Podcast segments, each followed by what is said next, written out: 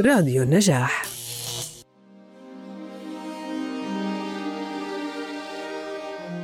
الصمد.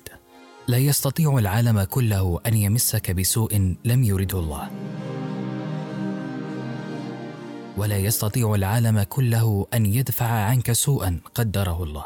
إذا كان الضعف قد بنى حولك سجنا ضيقا لا تستطيع الخروج منه. إذا حصرتك الحاجات وداهمتك الخطوب والتفت من حولك الهموم وأخذت روحك في الهرب إلى المجهول فأنت ساعتها بحاجة إلى أن تصمد إليه. سيمدك بكل ما تحتاجه لتكون قويا في هذه الحياة وتجابه واقعك بشموخ وتتجاوز عقدك بعزيمة. ابدأ مع الصمد عهدا جديدا ثم ثق أن الغد سيكون أفضل من اليوم وبكثير. في ظلال الصمدية الصمد اسم كما ترى بالغ الهيبة قوي الحروف شامخ المعنى قليل الورود والذكر ذو جلالة خاصة وكأن الصمود له سبحانه أهم تجليات الإخلاص في العبادة. فمن أكثر من استحضار معنى الإخلاص في عبادته أكسب قلبه صفة الرضوخ إلى مولاه والصمود له وعدم الالتجاء إلا إليه. وها نحن ندلف إلى عالم الصمدية لنستلهم شيئا من معاني الصمد. الصمد هو من تصمد إليه الخلائق أي تلجأ إليه.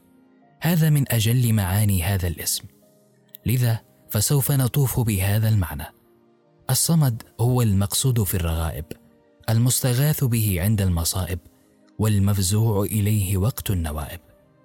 جاء ذكره في سورة من أعظم سور المصحف ومن أقصرها وهي سورة الإخلاص. التي تعدل ثلث القرآن الكريم.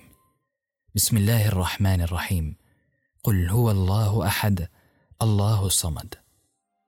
يحتاج المخلوق إلى نصر فيقول يا الله. يحتاج إلى إعانة فيقول يا الله. يحتاج إلى حفظ فيقول يا الله. يحتاج إلى هداية فيقول يا الله. يحتاج إلى لطف فيقول يا الله.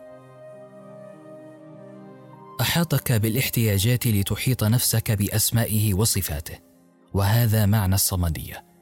في كل لحظات حياتك أنت بحاجة إليه فإن لم ترجع إليه اختيارا رجعت إليه اضطرارا. المزارع إذا تأخر وقت الحصاد وقد تعاظمت حاجته للثمر وصار الماء شحيحا نظر إلى السماء وقال يا الله ركاب السفينة إذا تلاطمت بهم الأمواج وزعزعت فكرة الموت طمأنينة الحياة في نفوسهم. قالوا يا الله! إذا أعلن قائد الطائرة أن عجلاتها رفضت التحرك ولذلك فسيأخذ جولة على المطار إلى أن تحل المشكلة. ينسى ركاب الطائرة كل الشخصيات المهمة ولا يتذكرون إلا الذي بيده ملكوت كل شيء وهو يجير ولا يجار عليه. وعيناك على رسام القلب. تنظر إلى تلك الخطوط المتعرجة ومريضك تخفت أنفاسه وتتضاءل نبضاته وتلك الخطوط تأخذ قليلا قليلا في الهبوط. لحظتها تنسى اسم الممرضة ويتبخر من رأسك وجه الطبيب وتقول في رجاء يا الله كن معه. أفكار الزيف جاء شيخ أعرابي اسمه الحسين إلى رسول الله صلى الله عليه وسلم فسأله النبي صلوات ربي وسلامه عليه كم تعبد يا حسين فقال سبعة ستة في الأرض وواحد في السماء. فسأله النبي صلوات ربي وسلامه عليه من لرهبك؟ قال الذي في السماء. قال من لرغبك؟ قال الذي في السماء. فقال له النبي صلى الله عليه وسلم فاترك الذين في الأرض واعبد الذي في السماء. فأسلم الحسين لقد اقتنع بسبب معنى الصمدية لأن من تصمد إليه وقت الرهبة والرغبة هو وحده من يستحق أن تسجد له. إن الإيمان أسهل فكرة في الوجود. لا تحتاج إلى كتب ولا إلى فلسفة ولا إلى سبر وتقسيم. هي كلمة قلها بإخلاص. ثم اتركها لتشتت أفكار الزيف. يختصر القرآن ذلك فيقول بسم الله الرحمن الرحيم.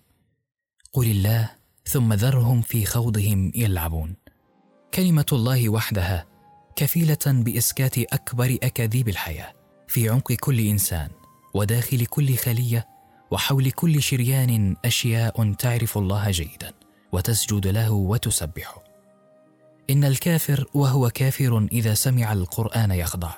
ومن قصص السيرة الشهيرة أن رسول الله صلى الله عليه وسلم قرأ سورة النجم على مشركي مكة في المسجد الحرام. وما إن انتهى حتى سجدوا كلهم سجدوا. حتى أولئك الذين طردوه وآذوه وخططوا لاغتياله سجدوا. تلك الأشياء التي في خلاياهم وشرايينهم تفجرت فيها طاقة إيمانية رهيبة فجعلتهم يخرون للأذقان سجدا. خلق في نفوس عباده حاجة إلى حبه سبحانه.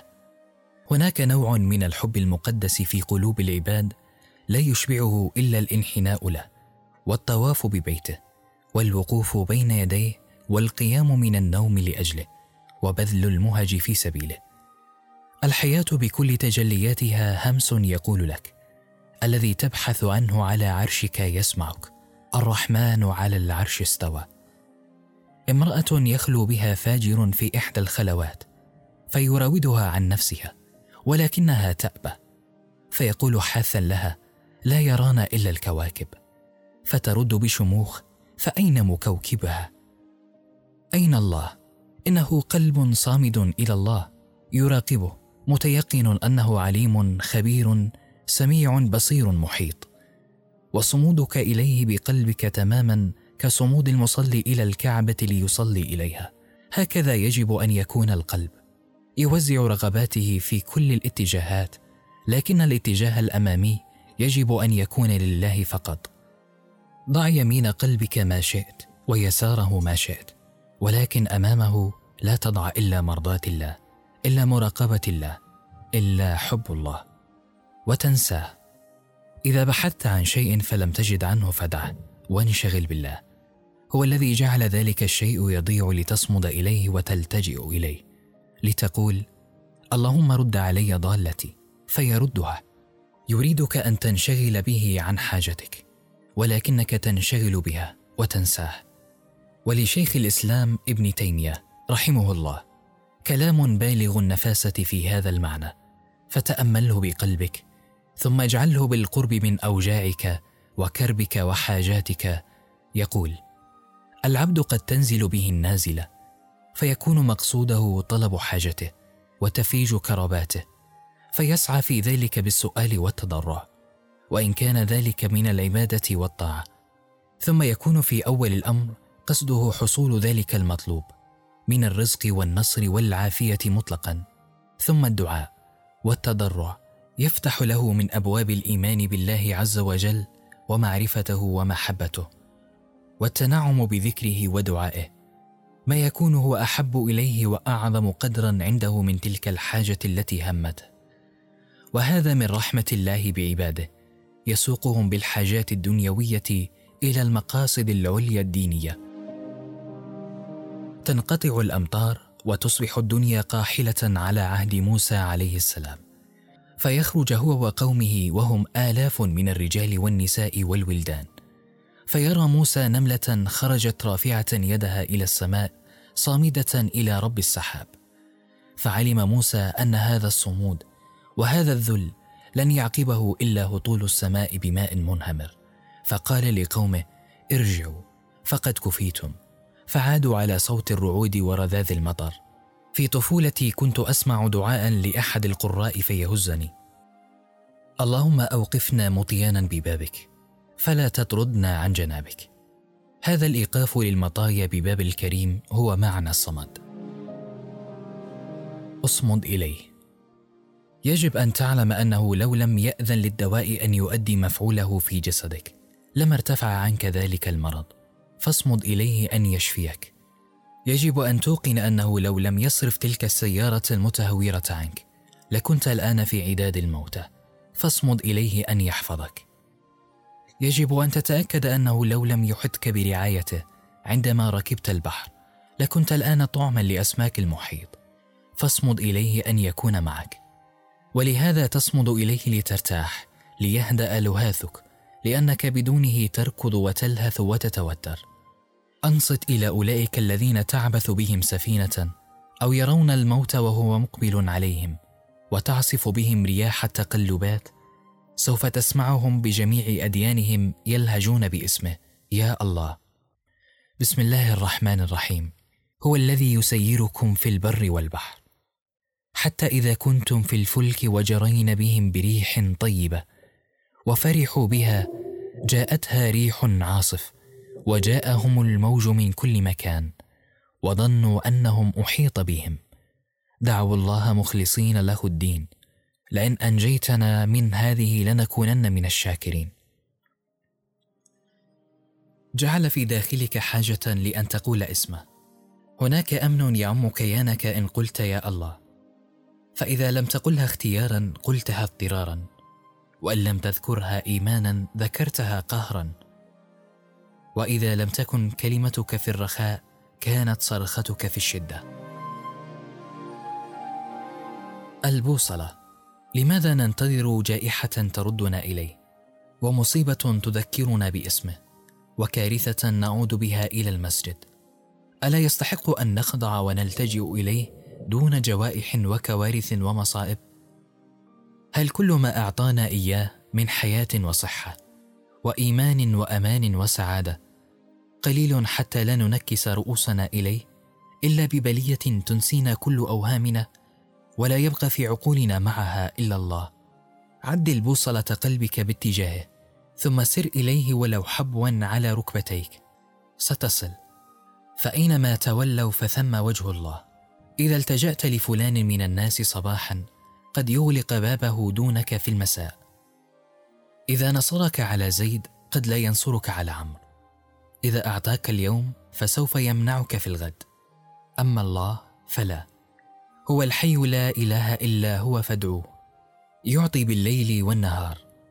ينصرك على الجميع إن كنت مظلوما. لا يغلق بابه. يده سحاء الليل والنهار.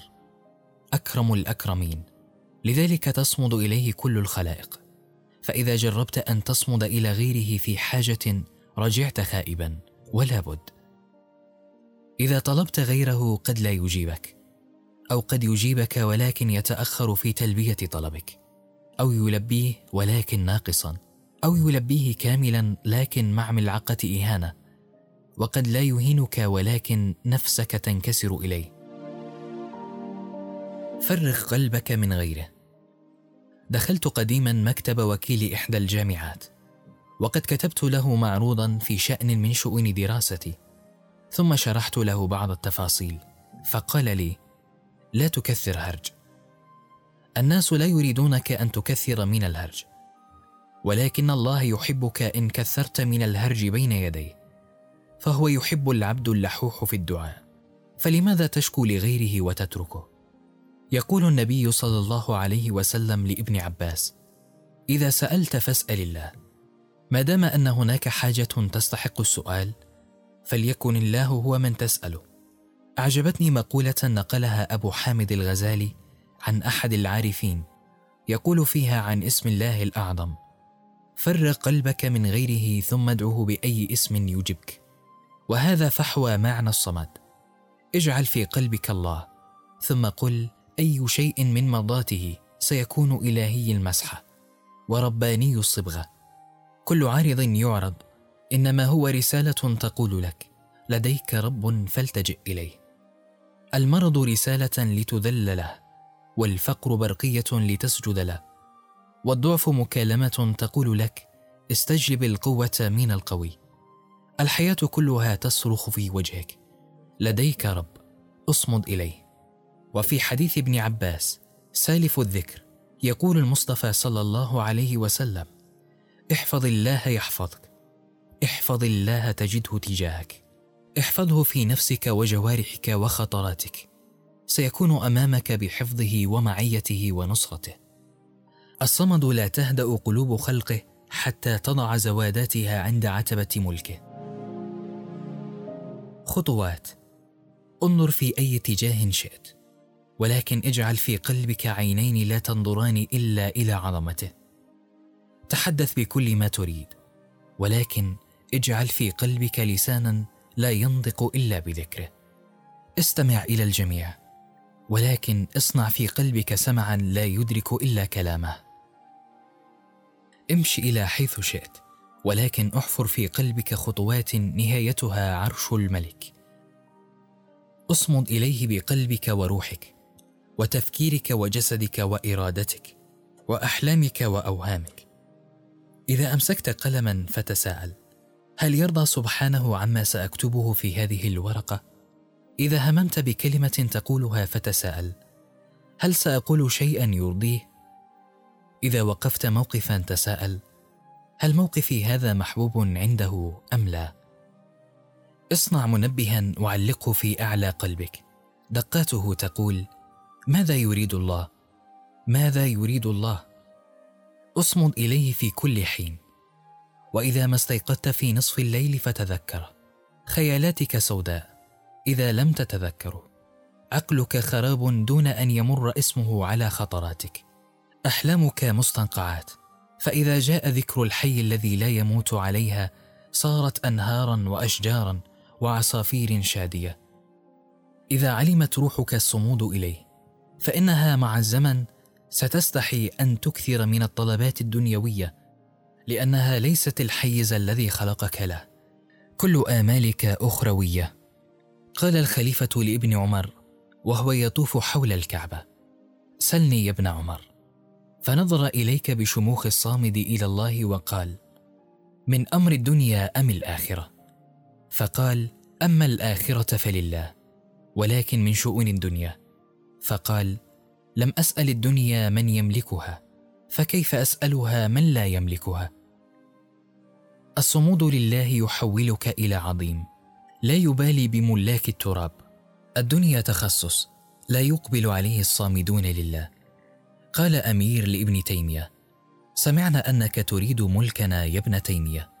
فرفع ابن تيمية رأسه بشموخ وقال والله إن ملكك لا يساوي عندي فلسين. رجل يعرض وجهه لله آناء الليل. كيف يذل لقطعة خزف أطراف النهار؟ حقيقة اللحظة التي تصمد فيها إليه لأجل حاجتك هي نفسها اللحظة التي تصبح حاجتك ملك يمينك. لا عبور لأي رغبة إلا من طريق الله. لا وجود لأي حاجة إلا في ساحة الله. لا إمكانية لحدوث شيء إلا بالله. فإنه وحده الذي لا حول في الوجود ولا قوة إلا به. لا يمكن لخلية أن تتحرك ولا لذرة أن تكون ولا لقطرة أن تتبخر ولا لورقة شجر أن تسقط إلا بحوله وقوته. لا يستطيع العالم كله أن يمسك بسوء لم يرده الله ولا يستطيع العالم كله أن يدفع عنك سوءا قدره الله. إذا فاجعل وجهك إليه. والجئ ظهرك إليه وفوض أمرك إليه. فهو الصمد الذي لم يلد ولم يولد ولم يكن له كفوا أحد.